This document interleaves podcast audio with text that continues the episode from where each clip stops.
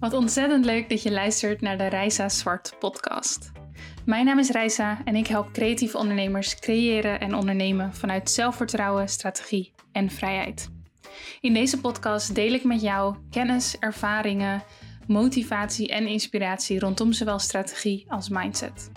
Ik neem je heel graag mee in mijn eigen groeiprocessen en deel daarin over zowel successen als leermomenten. Dit alles omdat ik geloof dat wij elkaar kunnen helpen. Ik geloof dat wij samen een markt kunnen creëren vol ondernemers die echt weten wat ze doen. Die authentiek zijn, die zichzelf durven neer te zetten als expert, die de juiste prijzen rekenen. Oftewel, die echt impact durven te maken. Ik heb er super veel zin in, dus laten we beginnen.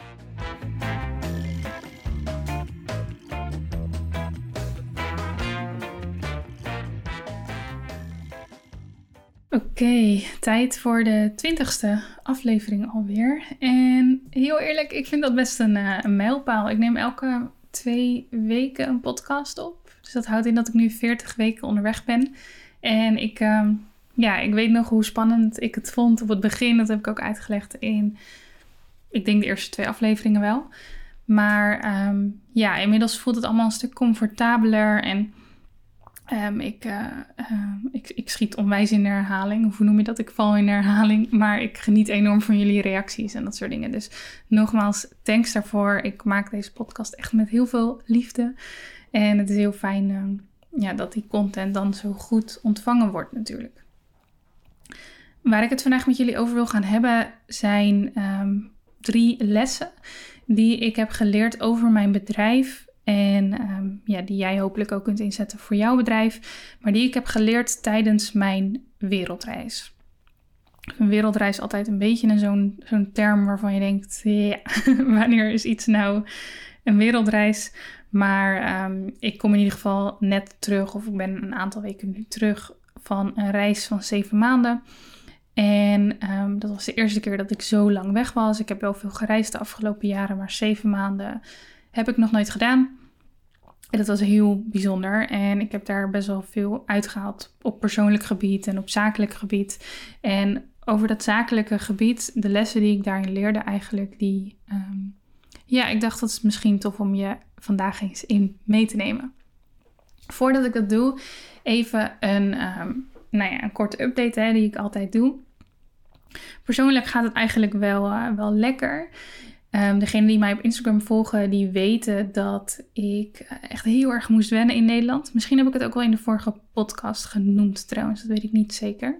Maar ja, ik moest best wel wennen om hier weer te zijn. En eerlijk gezegd, ik moet nog steeds wel een beetje wennen. Ik merk dat, uh, heel cliché, maar dat uh, als het weer lekker is, dat het een stuk makkelijker is dan wanneer het, het weer slecht is. Dat ik dan ja, op die dagen eigenlijk meer heimwee heb naar de, naar de mooie plekken waar we waren. Maar over het algemeen ja, geniet ik hier ook weer en heb ik super veel zin in de zomer. Mijn ouders die hebben een uh, strandhuisje waar we zomers heel veel zijn. En oh, dat voelt echt altijd zo vrij. En uh, ja, ik kan niet wachten daar lekker in de, in de zon te zitten. Op zakelijk gebied heb ik vorige week Storytellers gelanceerd. En Storytellers is een inspiratieplatform en een community voor fotografen. Zoals je misschien wel weet, ben ik zelf ook fotograaf. En met mijn, um, uh, ja, mijn mentoringbedrijf, mijn, mijn reis een soort educatie, zoals ik het noem, um, richt ik mij in principe op een wat bredere groep ondernemers, namelijk de creatieve ondernemers. Dus dat is ook waar ik deze podcast voor maak, waar de, de, producten, de masterclasses op mijn website voor zijn, uh, waar, voor wie ik mentoring doe. Maar ik kom zelf uit de fotografenhoek en ik uh, miste eigenlijk een beetje een plek om te delen over um, ja, eigenlijk de fotografie tips en tricks, maar ook de ondernemerstips die specifiek gelden voor fotografiebedrijven die ik mee wilde geven. Ik miste een beetje een plek daarvoor. En tegelijkertijd ja, zag ik gewoon een, grote groep fotografen, of zie ik eigenlijk een grote groep fotografen die struggled. Die struggled met de juiste klanten krijgen, die struggelen met de juiste prijzen rekenen, um, die ook struggelen met mindset dingen. En wil ik die gewoon heel graag helpen, net als dat ik die passie heb om dat voor eh, de bredere groep creatievelingen te doen, dacht ik dat het wel een heel tof idee zou zijn om ook iets te creëren specifiek voor fotografen. En dat heb ik dus nu gedaan. Vorige week zijn we online gegaan en we zitten inmiddels al op meer dan 80 leden. En dat vind ik echt een, echt een heel bijzonder compliment. Ehm, dus ik zou zeggen, als je fotograaf bent, misschien zit je er al bij trouwens, dan, uh, dan weet je waar ik het over heb. Zo niet, check even reisazwart.com slash storytellers. En daar kun je alles lezen over het platform en over de content die daar maandelijks op verschijnt. Content die ik maak, maar ook die ik samen maak met andere experts. En dan kun je eens kijken of het wat, uh, wat voor je is. Het is een maandelijks uh, bedrag wat je daarvoor betaalt. En daardoor is het ook heel makkelijk om het gewoon een keertje te proberen. Om te kijken of het iets voor je is. En um, ja, kun je flexibel uitschrijven als dat niet zo is. Of als je um, uh, een, een, tijdje genoeg hebt geleerd. Um, in ieder geval, daar komt een hele hoop moois voorbij. En ik zou het ontzettend tof vinden om je daar te verwelkomen. Als jij fotograaf bent natuurlijk. Dat heb ik op zakelijk gebied gedaan. En ook heb ik de afgelopen tijd vrij veel gecoacht. Um, wat natuurlijk ook gewoon onderdeel is van mijn bedrijf. En de reden waarom dat afgelopen tijd iets meer is geweest, omdat best wel veel mensen natuurlijk ook hebben afgewacht totdat ik weer thuis was, zodat ik ook mensen in real life kan ontmoeten. Mijn coaching doe ik ongeveer 50% online en 50% um, offline. En um, vandaar dat het afgelopen tijd iets drukker is geweest met coaching. Ik merk wel, heel eerlijk gezegd, dat het net iets te druk was voor mij. Je geeft gewoon echt best wel veel tijdens zo'n uh, zo'n uh, coachingsgesprek. En dat betekent dat ik daarin altijd best wel mijn eigen grenzen in de gaten moet houden. Ik heb dus ook besloten om de komende tijd de coaching weer iets meer terug te brengen. Um, sowieso heb ik heel veel mensen die, die, die ik vast coach en mensen die trajecten hebben lopen, losse sessies. En um, ja, keek eens naar mijn agenda en ik zit eigenlijk heel erg vol. Uh, zeker tot, uh, tot het einde, um, of eigenlijk tot, uh, tot de herfst, zeg maar. Wilde ik even meegeven, omdat stel nou dat jij zit te luisteren en dat je zoiets had van: oh joh, ik heb altijd al een sessie willen doen. Ik heb nog wat plekken voor losse sessies in de zomer. Voor trajecten wordt het wel echt heel erg lastig. Maar als je nou wil weten Wanneer ik wel weer plekken heb, dan kun je het beste even um, je naam op de wachtlijst zetten. Dat kun je doen op reisazwart.com slash mentoring. En dan hou ik, op je, op de hoogte van wanneer er een plekje voor je zou zijn. Um, en dat is wel fijn om te doen, omdat het dus best wel snel altijd opvult. Dit is absoluut, absoluut, absoluut geen marketing ding. Want um, ja, wat ik zeg, ik zit gewoon, uh, gewoon vol. Dat voelt echt heel luxe trouwens, echt heel fijn. Maar mocht je nou interesse in hebben, ik wil, niet, uh, ik wil je niet hoeven teleurstellen. Dat moet ik misschien toch een beetje doen.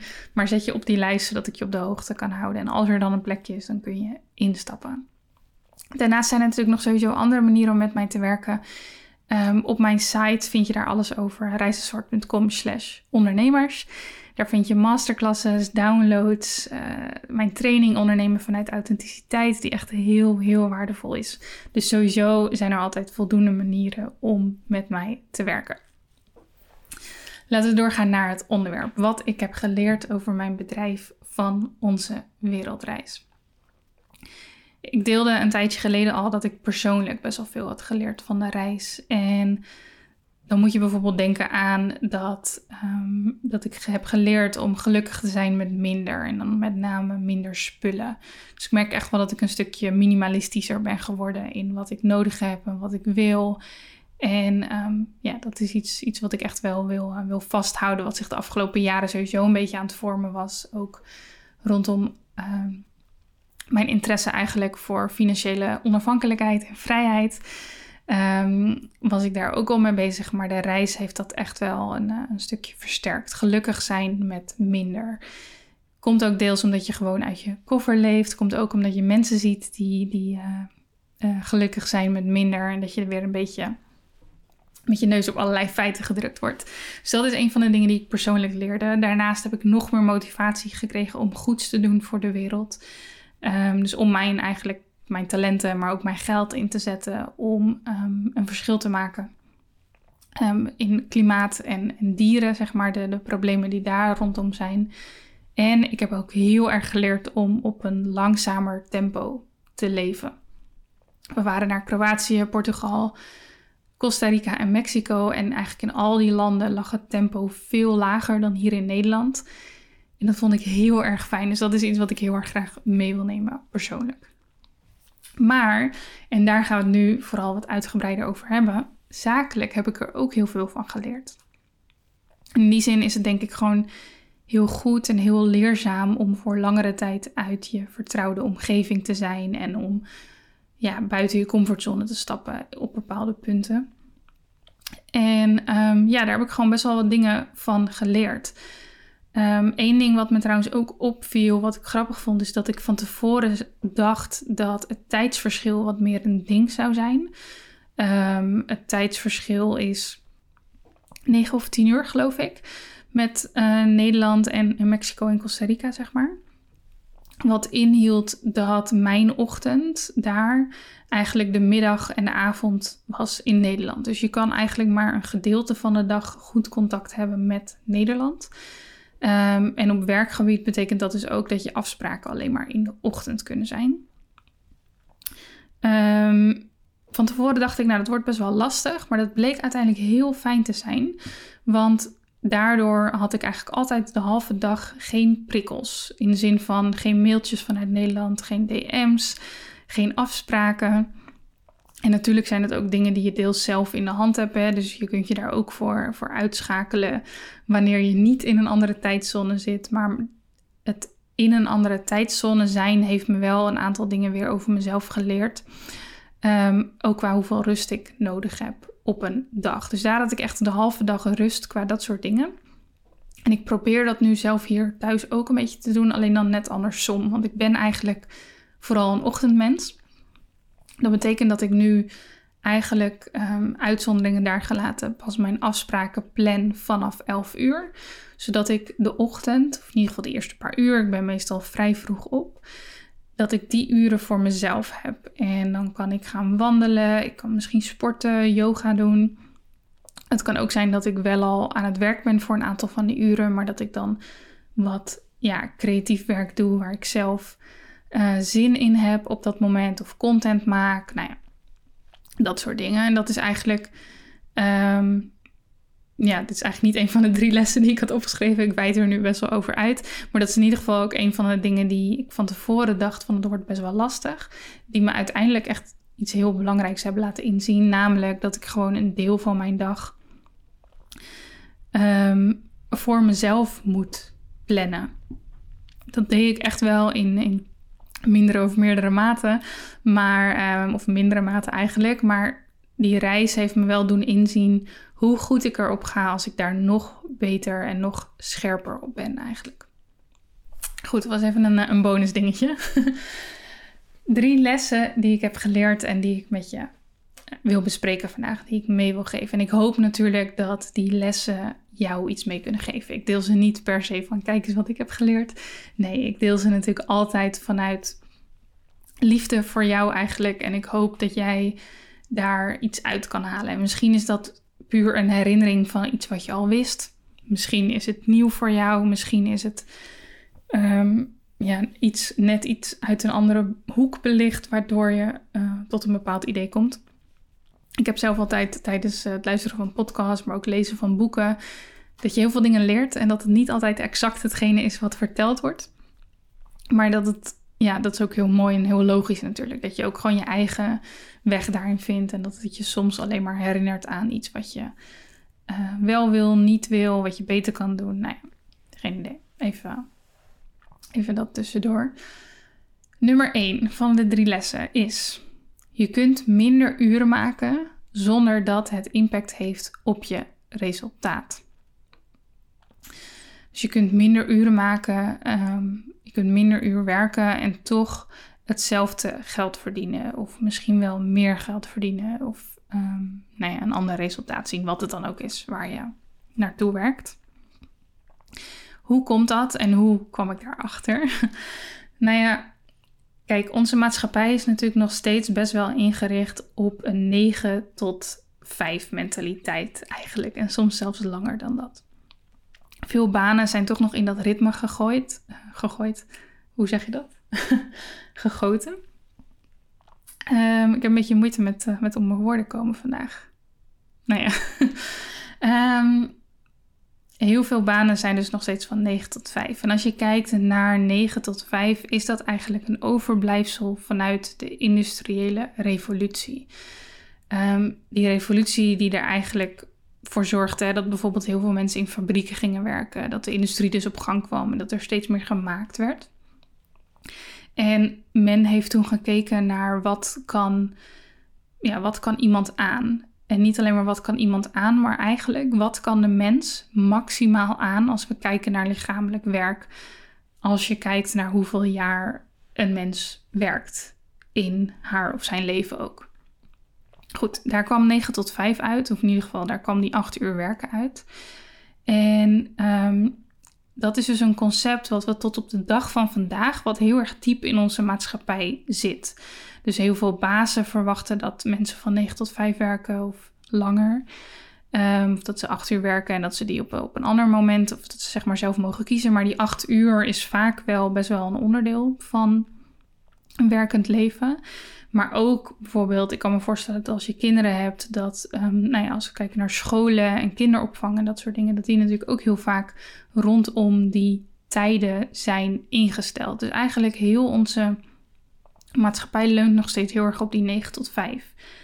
Wat best gek is, want dit is dus een concept van een hele tijd geleden, waarnaar gekeken is wat mensen maximaal aankunnen en wat ze lichamelijk aankunnen. Nou, als we daar even, even verder op ingaan.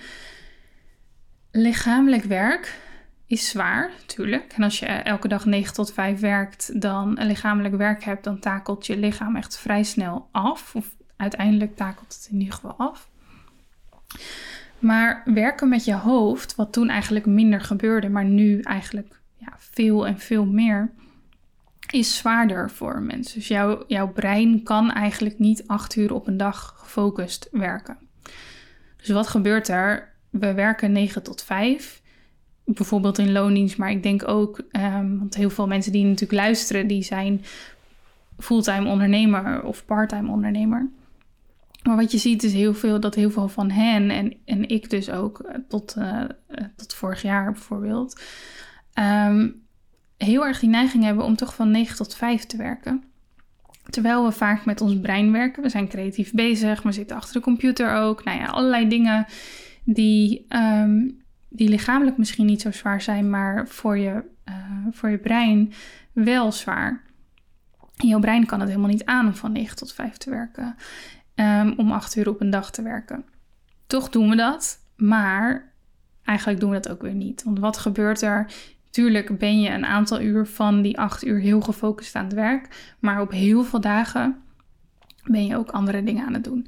Ben je afgeleid door je telefoon? Ben je afgeleid door je mail? Ben je afgeleid door iets anders? Ik hoor heel veel, heel veel mensen altijd zeggen dat ze afgeleid raken door de was.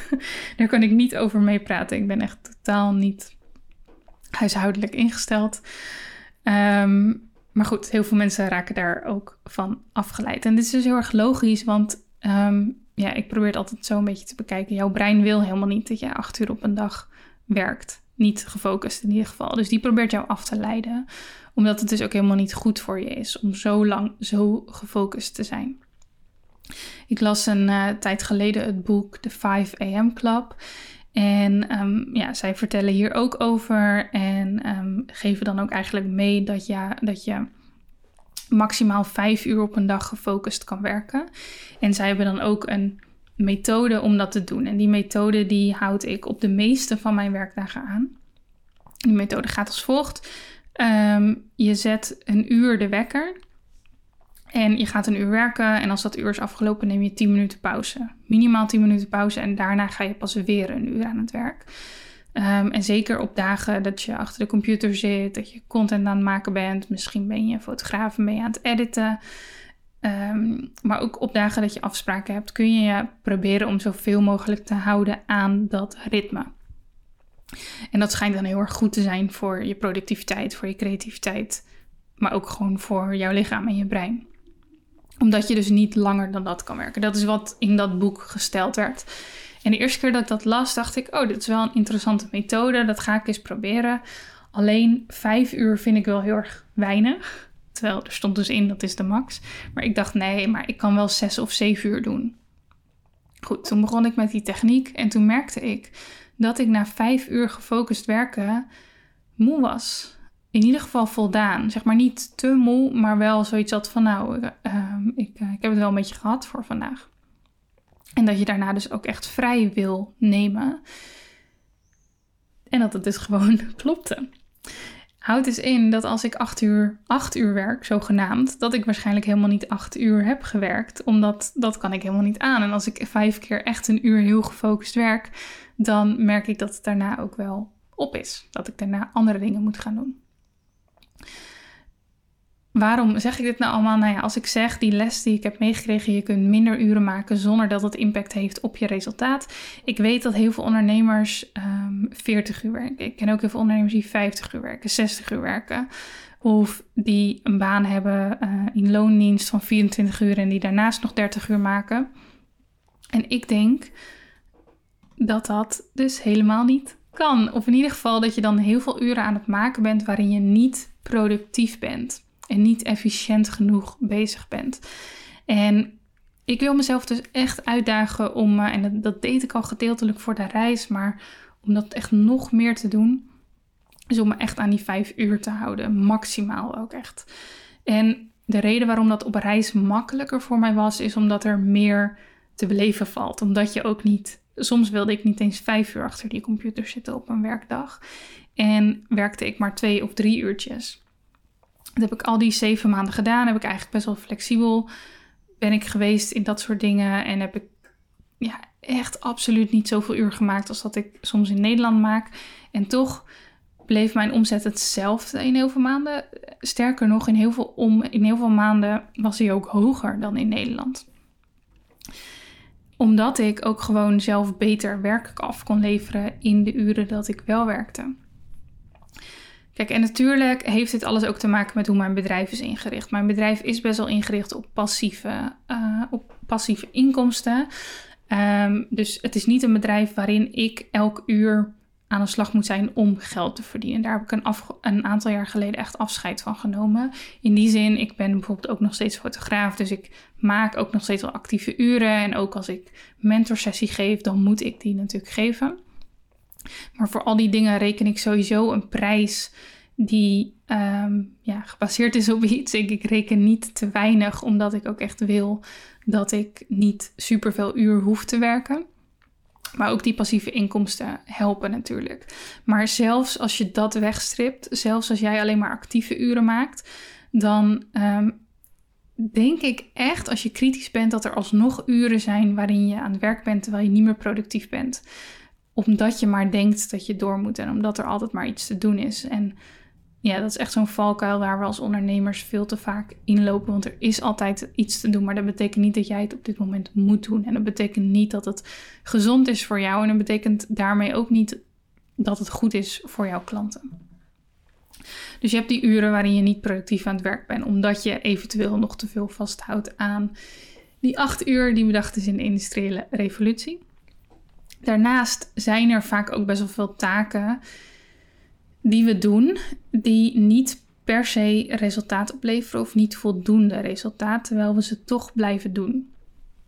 En die kun je eigenlijk ook schrappen uit je agenda. Ik, ik, ik zeg dit nu en ik, en ik denk het klinkt nu wel heel makkelijk. Ik weet dat het niet is. Kijk, uiteindelijk dit zijn dingen die heel logisch zijn, maar die we toch als mens moeilijk vinden om te implementeren, omdat we heel vaak denken, ja, zo simpel kan het toch niet zijn. Zo simpel is het vaak wel, alleen het kost best wel wat om te zeggen, ik doe het anders. Laat iedereen maar van 9 tot 5 werken, ik ga dit doen. Of um, ja, weet je, om soms ook gewoon te zeggen: Ik heb morgen die deadline, maar het gaat gewoon niet lukken. Ik ga de klant mailen dat het niet kan. En dat wil je natuurlijk niet te vaak doen, alleen zeker in een overgangsperiode. En zeker in een proces waarin je dit aan het leren bent, kan het echt voorkomen en is dat helemaal oké. Jij hoeft niet perfect te zijn. Absoluut niet. Goed. Taken die geen of niet voldoende resultaat opleveren. Denk aan op Instagram scrollen nadat je gepost hebt. En dat is niet eens echt een taak. Maar ehm, dat is wel iets wat vaak gebeurt. In ieder geval, mij gebeurt het ook nog te vaak dat ik op Instagram ga om iets te posten. En dat ik vervolgens allerlei stories te kijken. Of dat ik naar Instagram ga om te kijken of er reacties zijn waarop ik moet reageren. En vervolgens, geen idee, verdwaald raak ook in, in Instagram profielen en dat soort dingen. Dat is iets wat ik dus nou ja, ik, ik kan dan zeggen, en dat kan voelen, zeker als je die wekker niet hebt staan voor die 5 am methode, van oh ja, ik ben nu aan het werk. Maar ben je dat eigenlijk wel? Je bent eigenlijk iets aan het doen wat geen resultaat heeft, geen zakelijk resultaat. Het kan ook zijn dat jij op dit moment nog bepaalde opdrachten aanneemt die eigenlijk niet meer goed genoeg betalen, maar die je toch doet omdat je nee zeggen lastig vindt of omdat je bang bent dat er geen nieuwe klanten komen. En dat zijn dus allemaal dingen die je doet, die tijd kosten, die niet voldoende of misschien wel helemaal geen resultaat opleveren. En dat bedoel ik met jij kunt minder uren maken zonder dat het impact heeft op je resultaat. Of misschien zelfs um, zodat het positief impact heeft op je resultaat. Zelf, uh, valkuilen waar ik bijvoorbeeld in ben gestapt de afgelopen jaren is uh, te veel koffie drinken met andere ondernemers die ik heel gezellig en heel lief vind. En het is ook absoluut niet dat ik dat nooit ga, ga doen. Alleen ik heb echt wel tijden gehad waarin ik dat te veel deed. Ik heb bijvoorbeeld ook vaak op trouwbeurzen gestaan terwijl er niet genoeg klanten uitkwamen. En omdat ik, en ik vaak ook helemaal niet leuk vond. Um, ik neem wel eens uitnodigingen aan van nieuwe print-on-demand platformen, omdat ik denk misschien werkt het wel, maar misschien ook niet. Nou ja, kost het heel veel tijd, komt er uiteindelijk te weinig uit. Daar gaat tijd in zitten. Ik heb bijvoorbeeld ook een hele tijd handmatig alles wat ik op Instagram zette op Facebook gepost. En ik weet dat dat automatisch kan, maar dan wilde ik het toch op een andere manier doen en dan moest het toch handmatig. Dat soort dingen. Terwijl ik al hele tijd geen klanten uit Facebook heb gekregen. Maar ook als ik bijvoorbeeld uh, aanvragen krijg voor Engelse interviews of masterclasses en dat soort dingen, neem ik die nog wel eens aan. En soms is dat heel leuk en soms is dat heel waardevol, maar soms dan ehm, ja, komt er ook niet voldoende uit. En uh, als ik heel eerlijk ben met dit soort dingen, voel ik het vaak wel van tevoren. En misschien kun je dat bij jezelf ook eens terughalen. Dat je iets hebt aangenomen waarvan je van tevoren eigenlijk wist: moet dit niet doen. Dus dat jouw intuïtie eigenlijk dat al vertelde, dat je dat in je onderbuik al voelde. En dat je toch iets aanneemt en dat dat je heel veel tijd kost. En dat soort dingen. Dus ik denk, als we eerlijk zijn, als we even het hele passieve inkomsten gebeuren aan de kant schuiven, welk bedrijf dan ook, ik denk dat er altijd dingen zijn die we doen die we eigenlijk niet zouden moeten doen, omdat ze niet voldoende resultaat opleveren. En je kunt jezelf nou eenmaal heel druk maken met allemaal dingen die er misschien net niet voldoende toe doen. En je kunt elke keer na vijf uur of acht uur werken denken: oh, maar er is nog meer te doen. Ik ga nog een paar uur door. Dat kun je allemaal doen. Maar het gaat uiteindelijk gewoon niet zorgen voor het resultaat dat jij wil. En dat is ja, eigenlijk misschien ook wel een overkoepelende les in alles wat ik mee wil geven. Is dat om succesvol te zijn moet je andere keuzes maken dan dat, je, uh, dan dat anderen doen.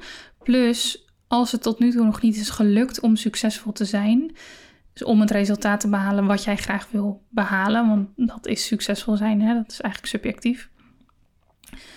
Maar dan moet je niet blijven doen wat je al die tijd al doet en wat geen resultaat geeft. Dan zul je verandering moeten gaan doorvoeren. En begrijp me niet verkeerd, resultaat hoeft niet altijd direct te zijn. Sommige dingen zijn voor de lange termijn.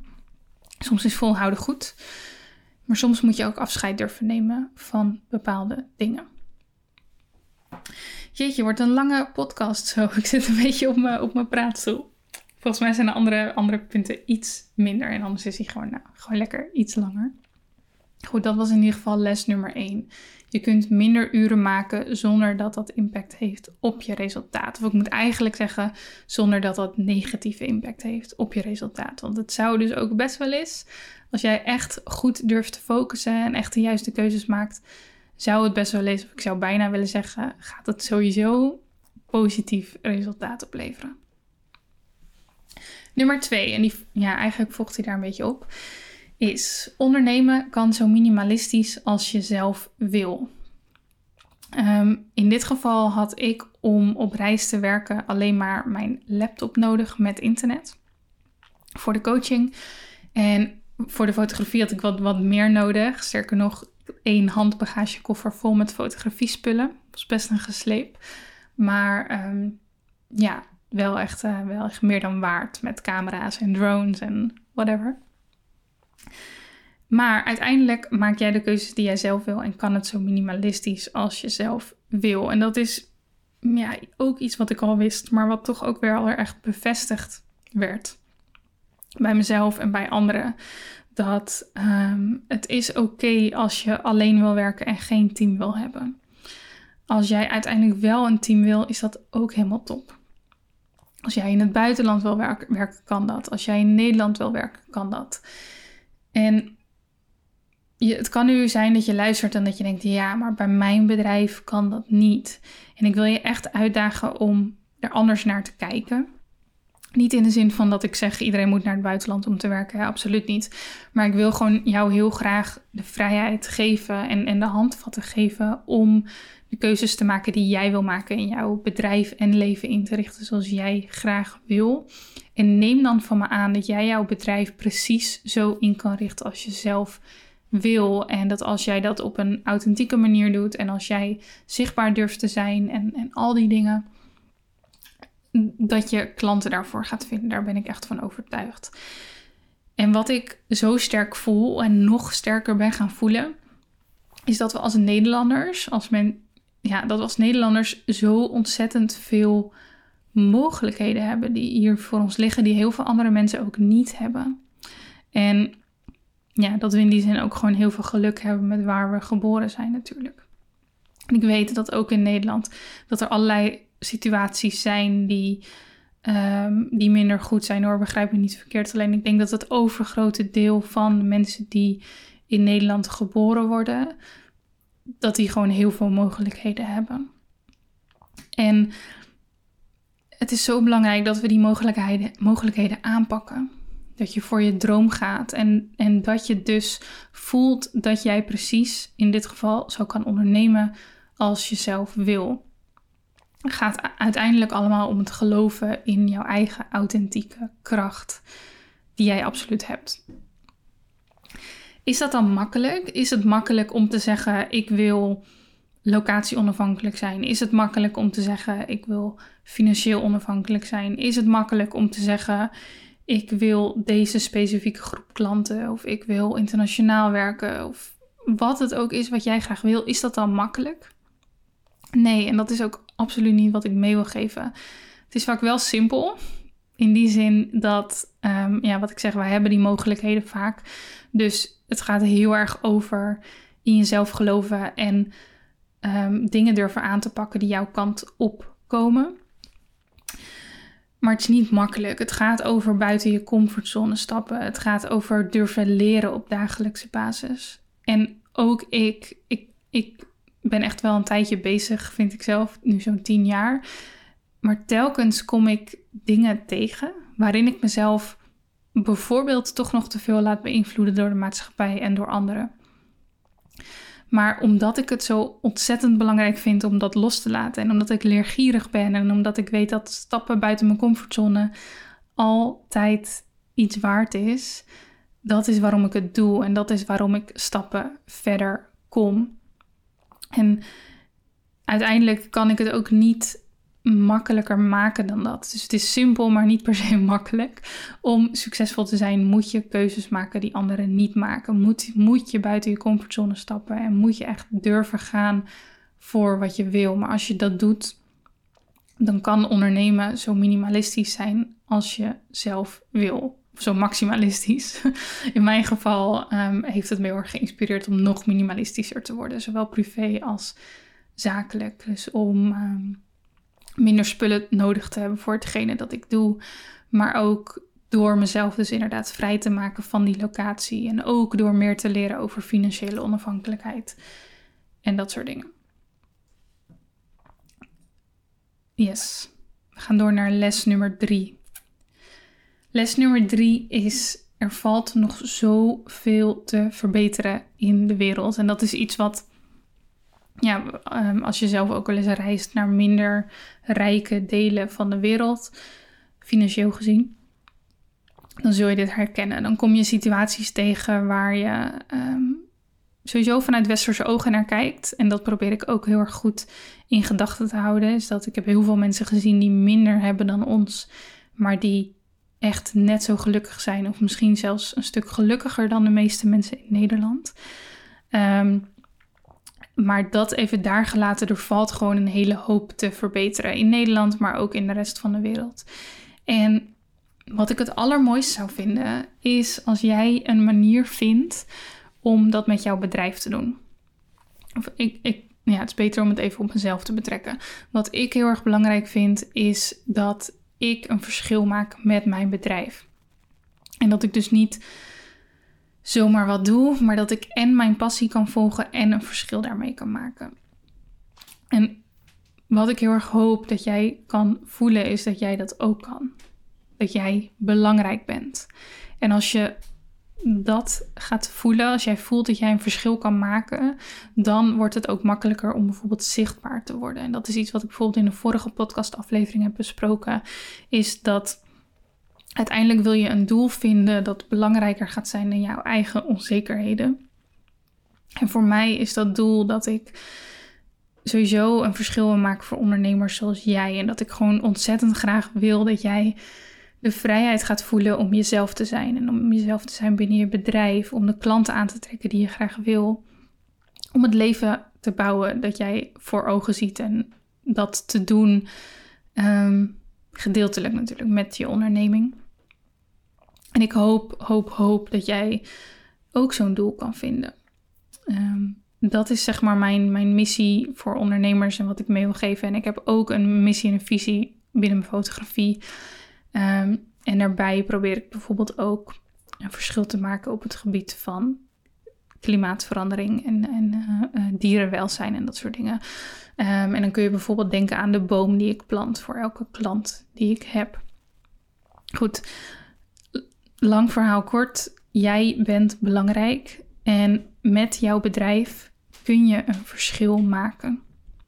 En dat kun je doen binnen jouw ondernemersgebied, maar dat kan ook daarbuiten door bijvoorbeeld het inzetten van je stem, door het inzetten van je geld, ehm, door op andere manier invloed ehm, uit te oefenen of bepaalde um, ja, agendapunten in de, in de belangstelling te zetten. Door mensen te laten weten wat jij vindt en door natuurlijk ook actie te ondernemen. En ja, ik hoop dat we met z'n allen de moed kunnen vinden om, om niet op te geven, maar om mooie dingen te blijven doen voor deze wereld. En om ook echt dus te gaan voelen dat jij dat met je bedrijf kan doen. En dat kan heel veel motivatie geven om dingen te doen die je spannend vindt, maar ook om. Uh, Nee, eigenlijk om dingen te doen die je spannend vindt en buiten je comfortzone te stappen. Te gaan voor wat jij wil en tegelijkertijd de wereld daar een stukje mooier mee te maken. Op jouw manier, hè? want dat kan op hele grote manieren, dat kan op hele kleine manieren. In principe maak jij een verschil met jouw bedrijf en dat doe je voor je klanten. En je kunt dus de keus maken om dat ook wat breder aan te pakken. Ehm, maar een verschil maak je toch. Dus ja, laat het dan ook uh, positief zijn, zou ik zeggen. Dat waren ze, de drie lessen die ik heb geleerd over mijn bedrijf, die ik graag aan je mee wilde geven. Ik zal ze nog heel even opnoemen. Nummer 1 is: je kunt minder uren maken zonder dat dat negatief impact heeft op jouw resultaat. Nummer 2: ondernemen kan zo minimalistisch als je zelf wil. En nummer drie, er valt nog een hele hoop te verbeteren in de wereld. En jij kan daaraan bijdragen met je bedrijf. Dat waren ze. Lange podcast dit keer. Ik, uh, ik vond het wel heel erg fijn. Ik vond het fijn om dit met jullie te bespreken. Ik hoop dat je er iets uit kan halen. Een stukje motivatie, een stukje inspiratie. Misschien zelfs een praktische tip. Um, ja, dat het je op een of andere manier weer aan het denken kan zetten. Ik ga hem ehm, afsluiten. En ik, ik, verwacht dat ik hier vast nog wel wat meer met jullie over ga delen. Ehm, wat ik zeg, zo'n reis is gewoon niet niks. En ik heb er best wel veel uit meegekregen. Best wel veel dingen waarvan ik ook benieuwd ben. Ehm, ja, hoe die verder gaan, uh, gaan lopen, hoe die zich gaan ontwikkelen. Of het me bijvoorbeeld lukt om lekker in die eigen bubbel te blijven qua tempo. Ik, uh, ik, ik ga natuurlijk alles aan doen om dat, uh, om dat te doen. Maar ik weet tegelijkertijd ook dat, dat je ook valkuilen tegenkomt. En dat het dan soms ook best wel wat van je vraagt om daar overheen te stappen. En zo houdt het natuurlijk ook interessant. Want lessen zijn er om te leren, maar vervolgens ook om uh, in actie over te brengen. En dat gaat niet altijd in één rechte lijn. Dat gaat met ups en downs. En dat zal ook uh, in deze zo zijn. Mocht je vragen hebben, mocht je opmerkingen hebben, mijn uh, DM-inbox, hoe noem je dat? Op Instagram staat sowieso altijd voor je open. En ik zou het ontzettend tof vinden als je um, bijvoorbeeld op Instagram een screenshot deelt dat je dit aan het luisteren bent. Misschien kun je ook delen wat je eruit hebt geleerd of wat je er tof aan vond. Um, dat is voor mij heel erg leerzaam, maar zo kunnen we ook andere mensen voorstellen aan de podcast. En ja, kan ik hopelijk op die manier mijn impact ook weer een stukje verbreden. Thanks, geniet van je dag en tot de volgende keer.